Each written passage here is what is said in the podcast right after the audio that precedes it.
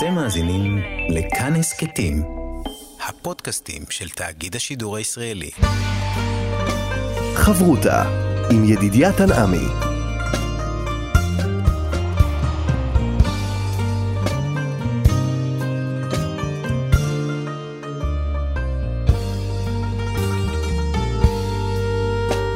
שלום כאן מורשת חברותא, לימוד משותף עם הבנים ואנשי חינוך בנושא תנ"ך, הלכה ואמונה. הערב אנחנו לומדים הלכה יחד עם הרב רועי מושקוביץ, ראש בית המדרש, רואה ישראל הלכה למעשה. וכאן ליד המיקרופון ידידיה תנעמי, שלום לך כבוד הרב. שלום לך רבי ידידיה, לך ולכל המאזינים.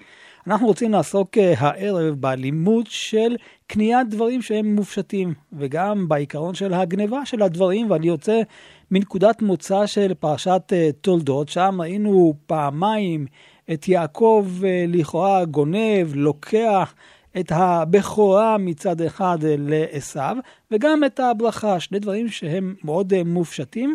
השאלה האם אפשר בכלל לקנות אותם, האם בכלל אפשר לגנוב אותם כפי שעשו בא וטוען?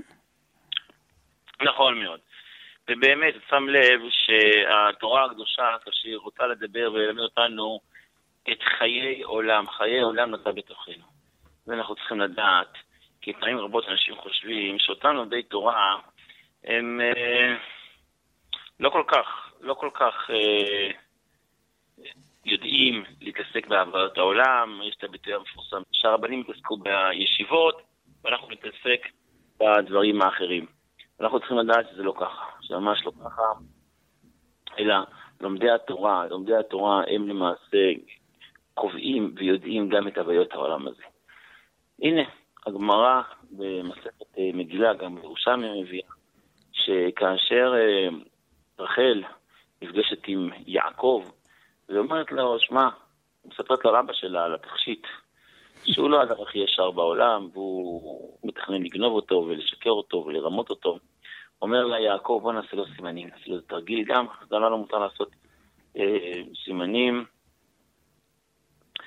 ונטפל בזה. אומרת לו רחל, אומרת לו רחל, יעקב, איך אפשר לעשות דבר? אתה משקר, משקר בן אדם, אפילו שקר. אמר לה את הפסוק, אם נבל תתנבל, ואם יקש יתבטל, כמו שכבר הגמרא מזכירה, אחיו, ברמאות. אחיו, אני ברמאות. אחיו אני ברמאות. וזה לכאורה נסתר מדברי אה, רש"י הקדוש, כי רש"י הקדוש אומר על הפסוק, איש תם יושב אוהלים. מה זה איש תם יושב אוהלים? אומר רש"י, אינו חריף לרמות. רגע, לפני רגע אמרנו שיעקב אבינו, אחיו אני ברמאות. אם אחיו אני ברמאות, זאת אומרת שיודע טוב מאוד לרמות. אז מה זה ישתם אינו חריף לרמות? אז אולי התשובה יכולה להיות אה, דווקא בדברים של רש"י עצמו, כי כשהוא אומר? לקח אחיך במרמה, אז הוא אומר בחוכמה. אז אולי כאן הכוונה מרמה, רמאות, חוכמה. חוכמת החיים. נכון מאוד, נכון מאוד. אבל אה, ועל פניו, גם מי שמרמז סוג של חוכמה, כי זה כישרון מסוים. זה כישרון. ומה המקרה אצל יעקב אבינו? האם הוא היה איש תם, או שמא הוא ידע לרמות, או אה, הסבירו לגמרי אחר. אז חשבתי אולי לדייק את דברי רש"י, רש"י, אולי זה בדיוק מה שהתכוונת, רבי ידידיה. רש"י לא אומר איש תם, איש טיפש, או איש אינו חכם. אלא רש"י אומר אינו חריף לרמות. מה זה חריף לרמות? לא חריף ברמאות, אלא אינו חריף לרמות. הוא לא רגיל? יתרה מזאת, אינו חריף לרמות. מה זה חריף? דבר חריף. חריף כמבושל, חריף זה דבר שנותן טעם, שמחפש, שמוסיף, שמתגבר כל פעם ופעם. יעקב הוא איש תם. יעקב הוא איש הכי ישר בעולם. הוא הכי, הכי ישר שבעולם, הוא אומר, הוא אומר אה, לבן, גנובתי יום וגנובתי לילה, שמרתי בבוקר, בלילה, הוא היה איש פלס, הוא מעולם לא העביר כרטיס, הוא לא הגיע לעבודה. הוא מעולם לא חדק על חשבון זמן העבודה, אלא כל הזמן עבד 24 שעות בזמן שהיה צריך. הוא לא חריף לרמות, הוא לא מחפש את הרמאות, הוא לא מנסה לרמות את השני, הוא לא מחפש את התחבולות ואת הקומבינות, את השקרים, איך להוציא מהשני. יודע שהכל מאיתו יתברך שמו יתברך שמו, ומה שהקדוש ברוך הוא גזר, פרנסתו של עם קצובה לו, מתשרי זה התשרי לא כולל תשרי. הוא לא חריף, הוא לא מחפש לרמות, אבל הוא יודע טוב מאוד לרמות. הוא יודע, הוא בקיא בעבודת העולם, הוא יודע איך להתייחס לכל אחד ואחד. לא, למרות שהוא יודע, הוא לא מחפש את זה. למרות שהוא יודע, הוא לא ילך ו... בפועל ילך וירמם מישהו בשביל להשיג משהו. אבל אם אתה, אם האדם שמולו ילך וישקר אותו וירמה אותו, אומרת הגמרא הקדושה שנשארתה נשיכת אה, נחש קטן בצד הקרב, זאת אומרת, ההגדרה היא שמי שמתחיל עם התלמיד חכם, תלמיד חכם שאינו נוקם ונותר, הגמרא מביאה שהוא גרוע מאוד, כל חכם קודם קם צריך לנקום ולנטור, צריך לדעת טוב מאוד איך להתייחס לאנשים שפוגעים בו, לאנשים שמשקרים אותו, לאנשים שמרמים אותו, שמערימים עליו. תפקידו של תלמיד חכם ודאי לדעת, הוא חייב להיות שולט בכל תכסיסי המלחמה, אבל למרות ידיעתו, ולמרות כישרונו, ולמרות הווייתו הרבה ותכסיסיו הרבים, עדיין הוא לא מחפש לרמות. עדיין הוא יודע שכל עוד שהוא אין לו צורך בזה בשביל להחזיר מלאכת אפיים לאותו אדם ששיקר אותו ורימה אותו, אסור לו להשתמש בדרך הזאת. וזה מה שאנחנו מביאים, זה לא רק שיחת מוסר, אלא זה הלכה למעשה. שורן ערוך, טור, פוסקים ומביאים בזמן רש כ"ז, רש כ"ח, רש כ"ט, הנושא של הלכות הונאה ומקח טעות. אנחנו יודעים שיש הונאה, הונאת ממון, ויש הונאת דברים. הונאת ממון זה באמת שקר של גניבה, של גזל, זה אסור לעשות בשום פנים ואופן. אבל אומרת בגמרא שהונאת דברים גדולה, הונאת דברים מהונאת ממון. למה? שזה בגופו וזה לא בגופו. זה ניתן להישבון וזה לא ניתן להישבון. הונאת ממון אפשר להחזיר, הונאת דברים אפשר להחזיר.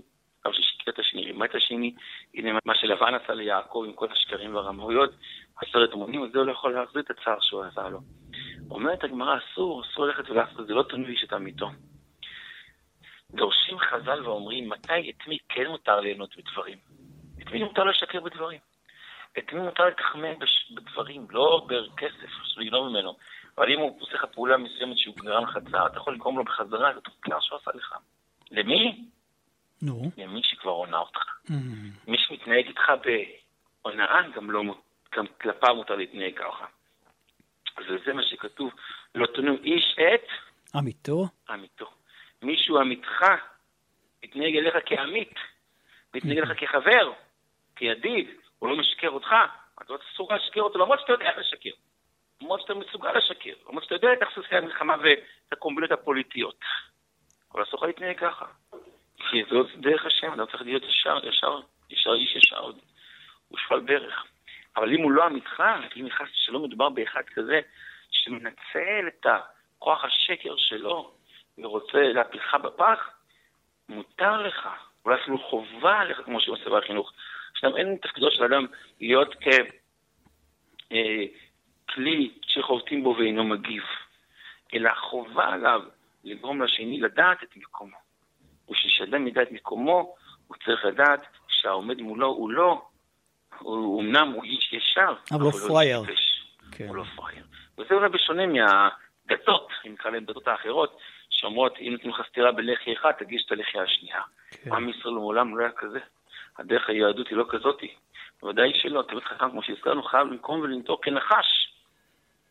אבל עדיין, למרות הידיעה ולמרות הכישרון, צריכים שבמקרה הרגילות ודרך הישר, לא להשתמש בזה. חייב וחס, אדם צריך להשתמש בדרך הישרות והפשטות, אבל זה לא אומר להיות טיפש, או להיות, כמו שהזכרתם, אדם שהוא מתנהג בפראייריות, או באדיבות יתרה, זה לא הנושא.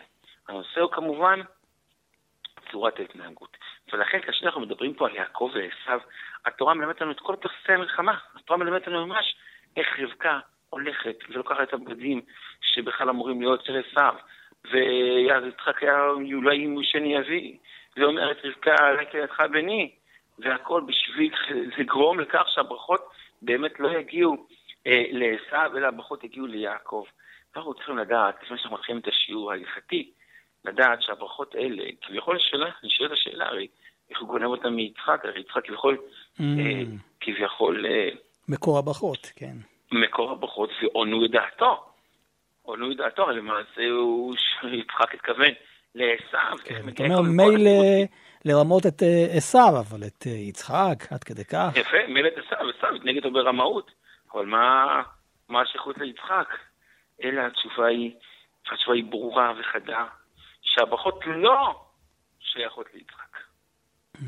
הברכות האלה לא הגיעו מיצחק, הם הגיעו דרך יצחק. יצחק אבינו, אבל לא מיצחק אבינו. הברכות האלה הגיעו כבר מאברהם. שהעביר אותם ליצחק, במטרה להמשיך את הדרך בתי אחד שהקדוש ברוך הוא חפץ שימשיך את הדרך. ולכן לא ענו את יצחק אלא וחד, אלא אדרבה גרמו, גרמו לברכות האלה להגיע ליעד הנכון. ליעד שלהם שאמורים להגיע דרך הקדוש ברוך הוא, שבירך את אדם הראשון, את נוח, את אברהם, יצחק, ועכשיו ישירות ליעקב, לעם ישראל. וואו, זה. למעשה הפסוק ויתן לך, אלוקים ויתן לך ויתן, מה זה עם ו'? יחזור וייתן. יחזור וייתן. כי הברכות הן לא, של, כביכול לא של יצחק, זאת אומרת, הם לא הבעל, יצחק לא היה הבעלים שלהם, הוא היה רק כביכול צינור, כמו שאנחנו יכולים לדבר על האבות הקדושים, צינור להעביר הלאה אותן ברכות שקדוש ברוך הוא ייתן ויוסיף וייתן לנו, לכלל ישראל, מהברכות האלה שיעקב זכה בהן. חברותה עם ידידיה תנעמי. חברותה בהלכה כאן אה, במורשת, יחד עם הרב רועי מושקוביץ, ועכשיו אנחנו רוצים לדון באמת איך קונים דברים שהם מופשטים, שהם לא ממשיים. כשאני קונה חפץ, אז יש כללים איך לקנות את הדברים, במשיכה, בדרכים אחרות נוספות. אבל מה קורה לגבי, למשל, הנושא של אה, בכורה? איך אני יכול בכלל לבוא ולקנות דבר שהוא לא תלוי באדם עצמו, זה משהו שהוא נולד איתו, איך אני יכול לשנות את המהות של הדבר? שאלה מצוינת, שלמעשה כל הפוסקים, אה, למעשה פרשני התורה, אה, דנים בה. איך וכיצד היה ניתן לקנות ולמכור אה, בכורה למשל, או למעשה כל קניין שמוגדר קניין יוצרים, קניין זכויות יוצרים, קניין רוחני, האם אפשר לעשות עליו קניין בכלל או לא.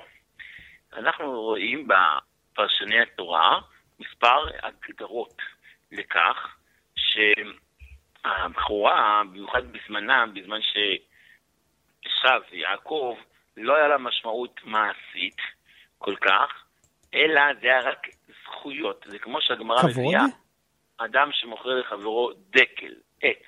הוא יכול למכור לו את העץ, כמו שהוא, קח את העץ, קח ולך. הוא יכול למכור לו דקל לפירותיו. מה זה דקל לפירותיו? זאת אומרת, העץ עצמו לא מעניין אותי. העץ עצמו הוא לא מכיר, הוא לא מעניין.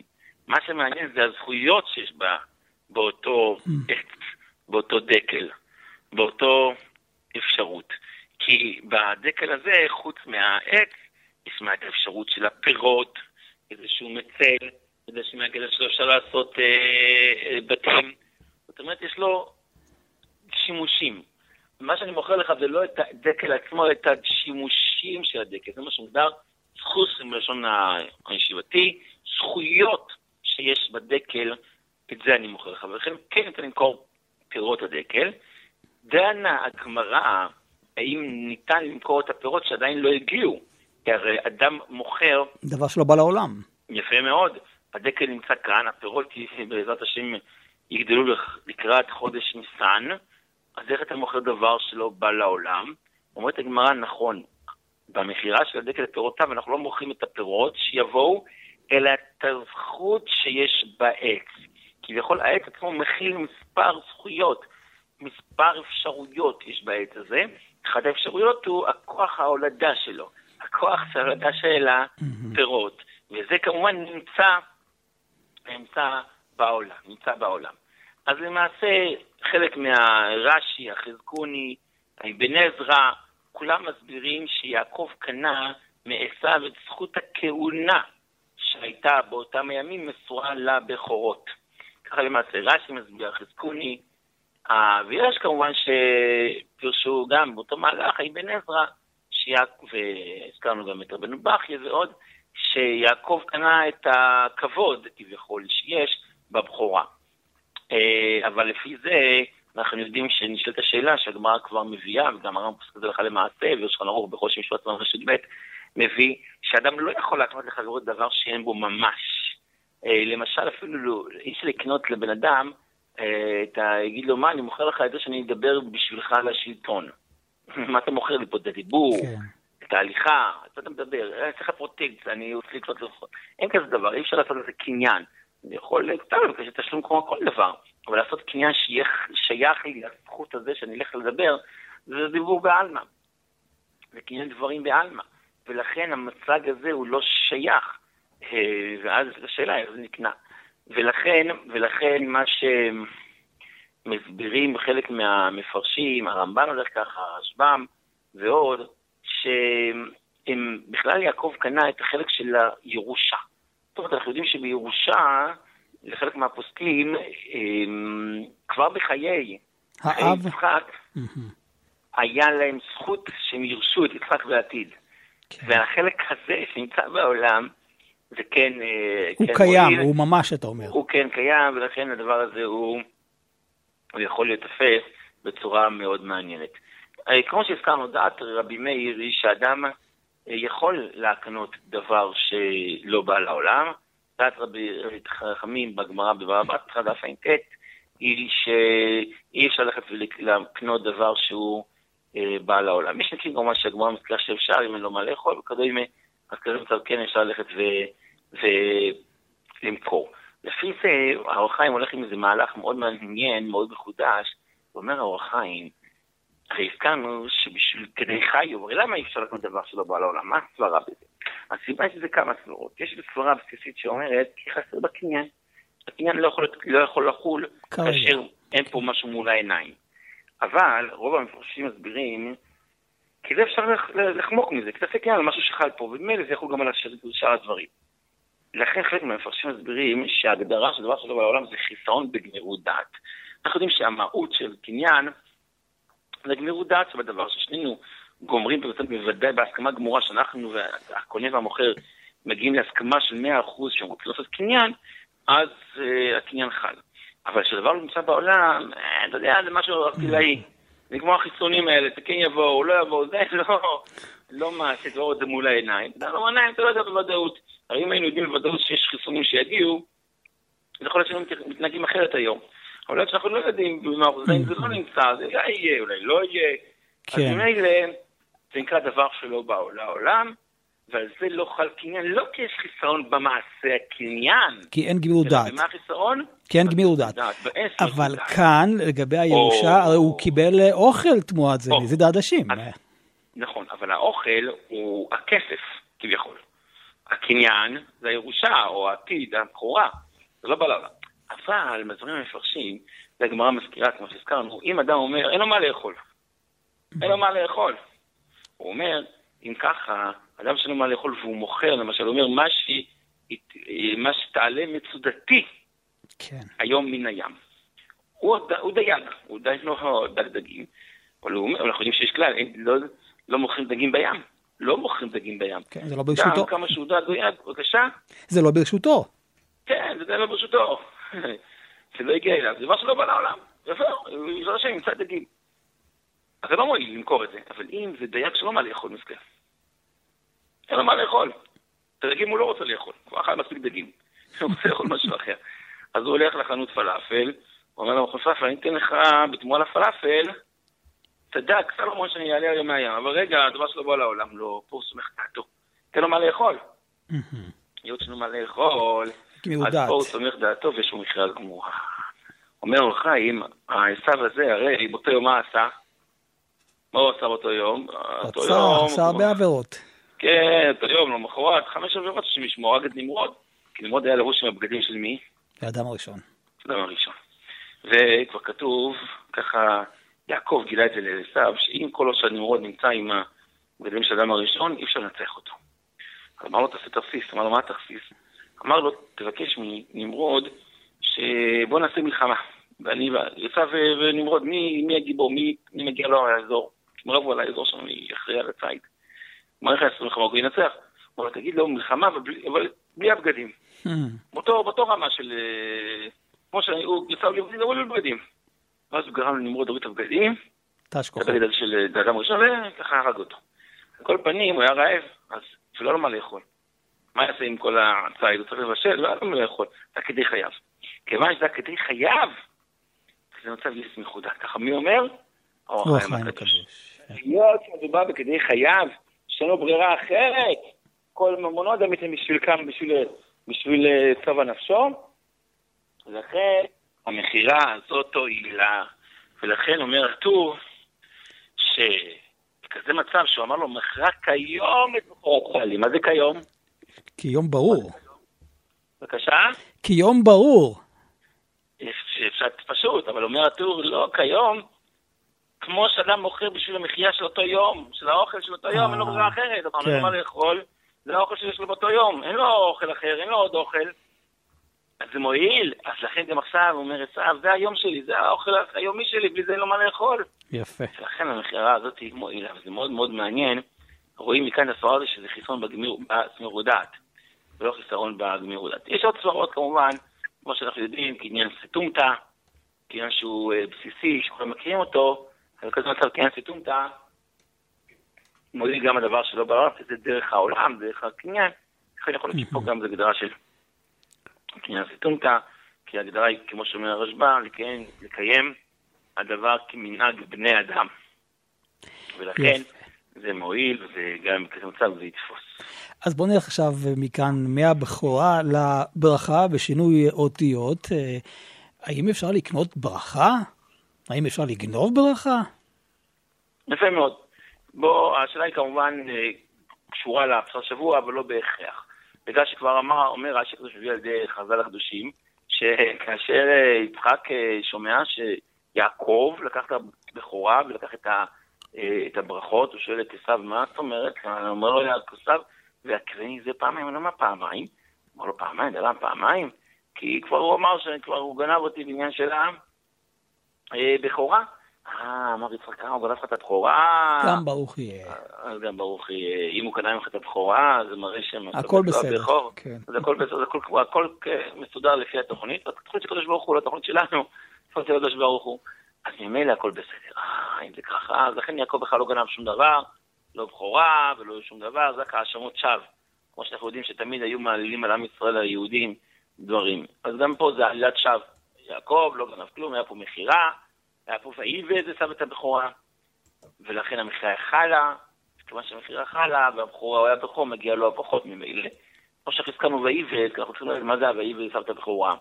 חשבתי אולי, ואדרבה, נשמע את המאזינים, שככה מדי פעם מעירים הערות, כי הרי עשיו על פניו היה עשוי וגמור. עשיו היה עשוי וגמור, מה זאת אומרת היה עשוי וגמור? הוא הרי הרשעים, ככה הם נולדים, נולדים עם שערות, נולדים עם שיניים, גמרא ככה מזכירה, יש מדרש שהוא נולד עם זקן אפילו. הוא רשע, הוא נולד רשע.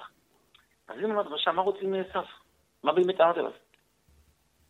אז כן, אדם ככה נולד, אדם נולד בצורה כזאת, אדם נולד בן של פושע, אז מה הוא יעשה שיהיה צדיק, שיהיה בבא סאלי, איך הוא יכול להיות? הוא כזה משהו. כך חורד, איך רוצים לו לדרוש ממנו משהו אחר? יעקב נולד צדיק, נו, אבל זה נולד רשע, כמו שכבר רבקה הולכת. באוהלי שם, ואומרים לה, בן אחד לבן אחד רשע, אז לא רוצים ממנו, מה, מה באים טענות מה אליו? הטענות, כן. אז שמעתי פירוש מאוד יפה שאומר, אולי זה התירוץ, שעשו נכון, הוא היה רשע, אז בסדר, אתה רשע תמשיך עם הרשעות שלך, אבל בסדר, אבל מה זה ויבד עשו את הבכורה? הוא שכלל את הרשעות. הוא כבר הפך את זה לדגל. מבחינתו, מי שלא ברמה של הרשעות שלו, זלזל בו. הוא כבר לא ב- בקליקה. מי שלא רמאי כמוהו, הוא כבר לא נחשב. הוא מישהו צדיק, מישהו צריך, מישהו מחפש את הבכורה, מחפש את הצדיקות, את הקדושה, את הטהרה, הוא מזלזל בו.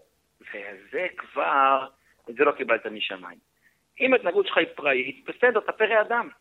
תשתה פרא אדם, תדע מי אתה, אה, תנסה להתגבר, להתגבר כן, כן, לא, לא, אתה לא יבוא לך בטענות. כי ככה נולדת. אבל ללכת ולהפוך את הרשעות לדגל, לאידיאולוגיה, לאג'נדה, ולגרום לכך שמי שלא כמוך הוא מזולזל, הוא מוקצה, זה כבר, זה כבר תפקיד של האדם עצמו, אבל הדבר הזה הוא נתפס. לכן שים לב שהתורה מדגישה שרק ויבז שם את המכורה, ולכן הגיע לו מה שהגיע לו, כל הקללות, ולא הגיע לו הברכות של אה, יצחק לעשו, כי למעשה הוא גרם לכך שהוא שכלל את מה שהוא, קיבל בתורשה, או לא בתורשה, הוא קיבל את זה בסוגים של כמו שהמהר"ל לא מביא, כל העניין של, של הבחירות, אני אכנס לזה עכשיו, אבל למעשה הוא קיבל את החלק הזה, הוא יכל להישאר עם זה, ולצמצם את זה, אולי אפילו להתגבר על זה אם הוא היה רוצה, אבל להפוך את זה עכשיו לדגל, אז זה הוא קיבל את העונש שלו. חברותה עם ידידיה תנעמי. חברותה בהלכה כאן אה, במורשת יחד עם הרב רועי מושקוביץ, ואנחנו דנים בגניבה של דברים מופשטים. אז שאלנו לגבי גניבת ברכה. אז ראינו לגבי יעקב שהכל היה בסדר, איך אומרים, יעקב תפר את התיק אה, מראש והכל בסדר, הכל כתקנו.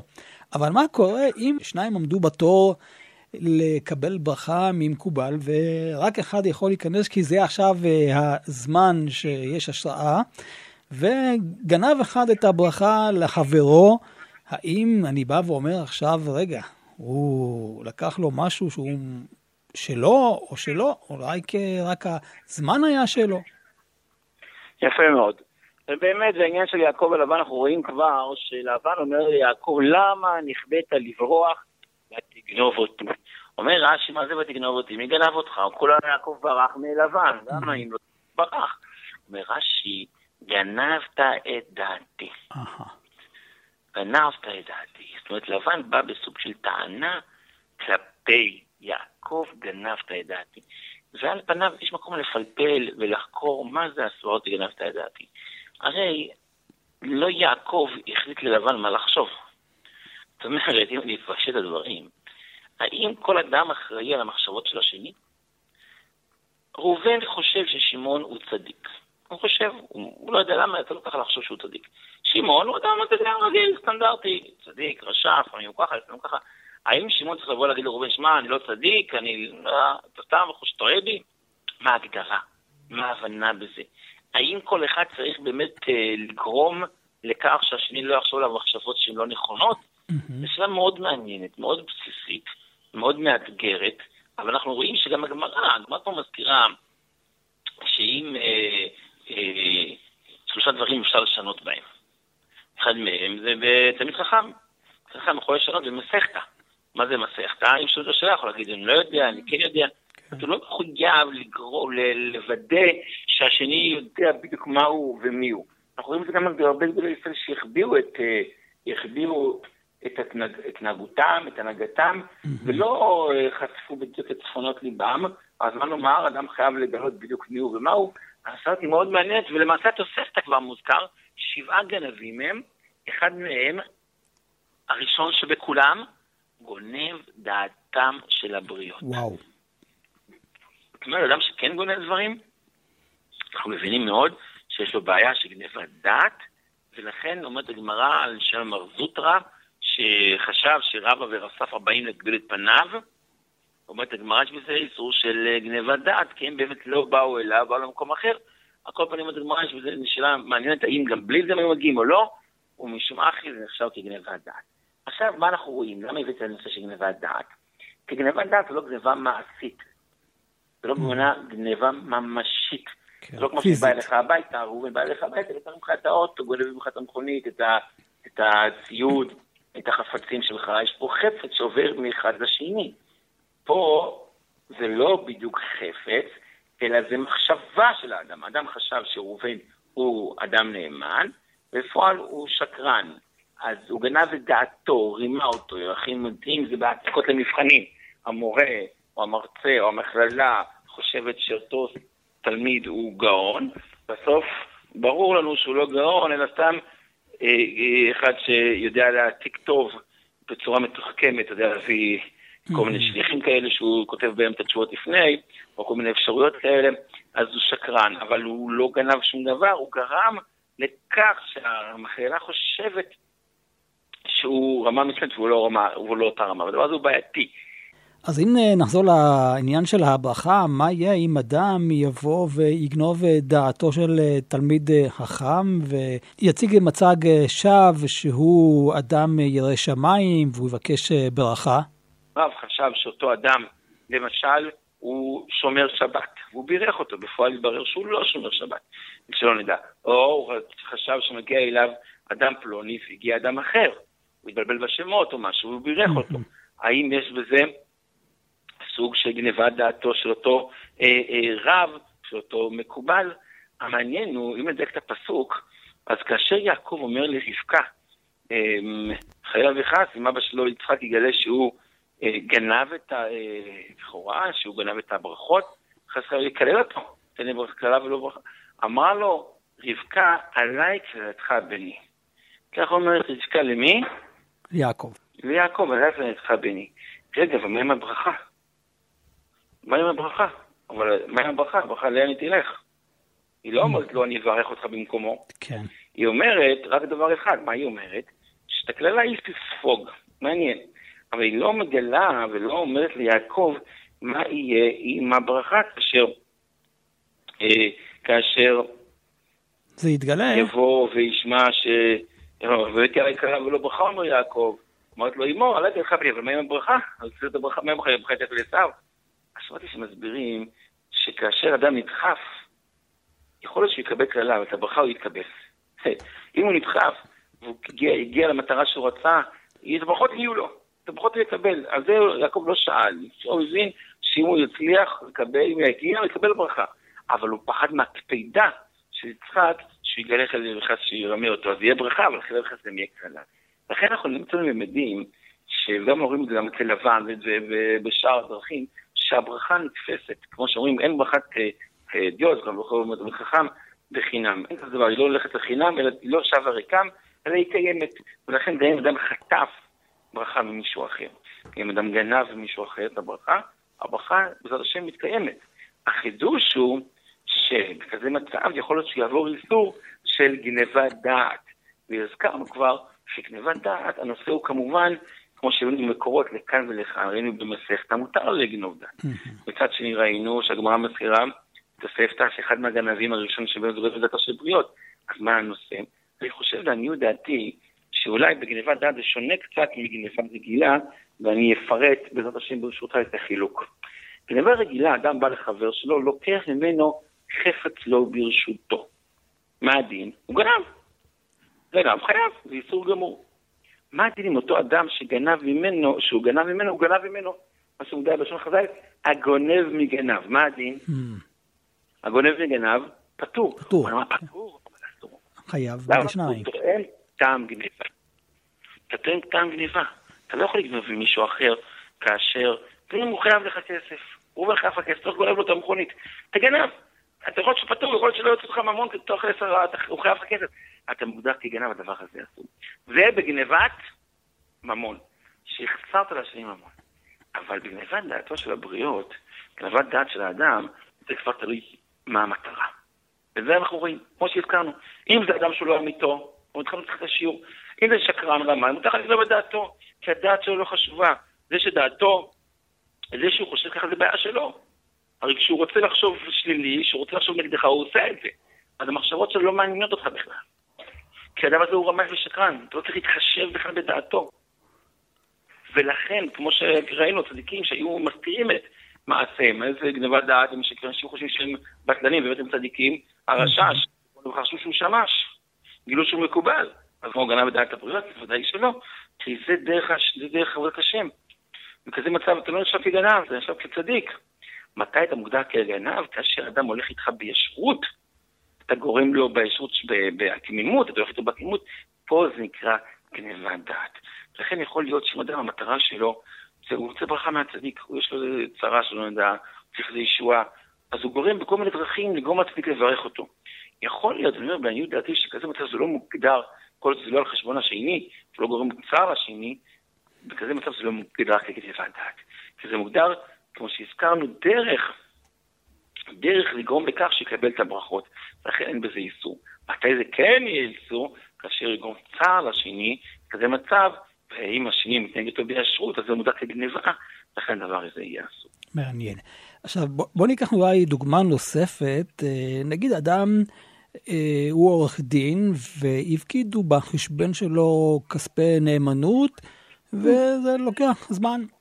ומה שהוא עושה, הוא הולך ומשתמש בעניין הזה, בערך הזה שיש שם כסף, והוא משעבד את הכסף לתקופה מסוימת לטובת דבר אחר. הוא לכאורה לא נוגע בכסף, אבל הוא כן נוגע בערך הממשי. אם כאן היא באה ואומר, שהוא גונב דבר ממשי מהאדם, כי הוא עכשיו אה, גונב את דעתו, לא, לא לשם כך אה, הכסף נמצא בחשבון. כן, אבל פה זה כבר אה, לא רק גנבת דת, mm. כי השימוש בכסף לא צריך להיות בכך שהוא מוציא אותו במזומן, עושה עם מזוודה, פותח את המזוודה ומשחרר שם מזומנים. כן. פעמים רבות השימוש בכסף, כמו שהזכרת, שהוא משעבד, שהוא ממשכן, וגם שימוש בכסף, זה לא מוגדר רק כגנבת דעת, אלא כגנבה ממש. יכול להיות שמותר לו לעשות את זה, כי מצד זה נהנה וזה לא חסר, כמו שדיברנו בעבר. אם כן. באמת אין פה חסר, להיות דבר הזה מותר, אבל זה נחשב שימוש מעשי בכספי הזולת, זה לא מוגדר רק, זה מעילה, זה גדר של מעילה, אה, בממון, אה, מעילה, בהקדש, כן. בממון, זה עוד נושא, אבל זה לא מוגדר כגנבת דעת. גנבת דעת, כמו שהזכרת, המקרים כאלה שאדם לא יודע, לא חושב, והוא גורם לו לכך, לגרום לכך שהוא בסדר. למשל, הציגו מצג מסוים שאותו יועץ, אותו אדם, הוא נקי, בפועל הוא לא היה נקי, אלא נסגר לו התיק מחוסר ראיות, לא מחוסר אשמה. זה יכול להיות מצב של גניבת דעת מסוימת, שגרמו לכך לקבל תפקיד בחוסר ישרות. ואז כזה מצב זו שאלה, האם הדבר הזה נחשב כהונאה או לא מוגדר כהונאה, או אפילו כמו מקח טעות, שעל דעת זה קיבלתי אותך או לא. מצד שני, יכול להיות עונה להגנתו שהוא לא, לא טען כלום, אז הוא אמר שסגר התיק, והיה עליהם לברר מדוע ולמה נסגר התיק. זה דוגמה אמיתית, פרסונלית, מציאותית, לגבי גנבת דעת, האם היא מועילה או שאינה מועילה. ניקח אולי עוד דוגמה נוספת, אה, אם אדם אה, גנב נגיד אה, מכתב, כן, או חפץ כלשהו, שיש לו ערך לא בנייר עצמו, אלא בתוכן עצמו. כן, למשל... מידע, גנב מידע, כן? כמו שעשו, שגנבו את המטוסי לביא, אני זוכר בתקופתך, זה לא היה, שגנבו, רצו, רצו לגנות מטוס. כן. אז הלכו וגנבו נראה לי מרוסיה. את המידע, איך בונים מטוס, ועל פי זה הלכו מהסובייטים והלכו ורצו לבנות אה, מטוס, מאוד מצוי היום, גם לגבי החיסונים, שגונבים מידע. כן, זהו. עכשיו, מידע לא אבל עם, אפילו עם ערך רגשי, נגיד, אה, אדם כותב לחברו מכתב אהבה, המידע הזה אולי פחות חשוב, אבל הרגש והדברים המיוחדים שנכתב שם, אה, יש ערך לאדם שכתב. השאלה, האם גם פה זה נחשב גניבה אה, רגילה, ממשית, או ש... רבנו גרשן כבר אומר שאסור לאדם לקרוא מכתבים של השני, אין לזה ערך ממשי, אין לזה שום דבר. אדם סקרן, אדם ראה הודעה שמישהו כתב. אה, אז שיובט בלוחות צדיקים נשאר סקרנות, ויגלה כמה אדם צריך להיזהר מלהיות סקרן במקום שלא צריך. אבל אין פה גניבה, גניבה של דעת, זה שיש פה איזה חיסרון, כמו שהזכרנו. קיבלו כן. אותו לעבודה בגלל הגניבה, בגלל שחשבו שהוא כך וכך. אה, חשבו שהוא מצטיין והוא העתיק, אה, כמו שהזכרנו, מקרים של אותו רב, שנתן לו ברכה בגלל שהוא חשב שהוא שומר שבת. זאת אומרת, כן. נוצר פה איזה מצג שווא, כן. נוצר פה איזה הפסד, איזה חיסרון. סתם מסתכל במחזות של השני, אז אה, נו נו נו, גרוע מאוד. יש צריך לדבר על מידת הסקרנות, שהיא מידה מאוד מאוד, אה, שיכולה להביא את אדם לידי אה, מקומות לא טובים, והדבר הזה הוא בעייתי מאוד, אבל עדיין זה לא מוגדר כגנבת דעת. הנה, יעקב לקח לעשו את הבכור, את הברכות, זה מעשי, זה מעשי, קיבל ברכות, קיבל פה משהו כן. על חשבון עשו, וזה כמובן היה על חשבון של רבקה שהבינה שאי אפשר לחלק את העולם הבא לצדיקים, העולם הזה לרשעים. אלא גם העולם הזה מגיע לצדיקים. זה ברור ופשוט, גם רבי, שהוא היה הרבי הקדוש, כתוב שהוא אה, לא משולחנו אה, אה, חזרת וצנות. זאת אומרת, תמיד היה לך שולחנות כל מה שהוא רצה, כי העולם הזה גם שייך לצדיקים, זה ברור מאוד. החוכמה היא לדעת להתגבר על הגשמיות שיש בעולם הזה, ולנצל את הגשמיות לצורך הרוחניות, כמו קורבן, ללכת ולאכול את זה לצורך בית המקדש. יישר כוח גדול, תודה רבה לך, הרב רועי מושקוביץ, ראש בית המדרש, רועי ישראל, הלכה למעשה. כאן ידידיה תנעמי, נשוב וניפגש בחברותה הבאה. אתם מאזינים לכאן הסכתים, הפודקאסטים של תאגיד השידור הישראלי.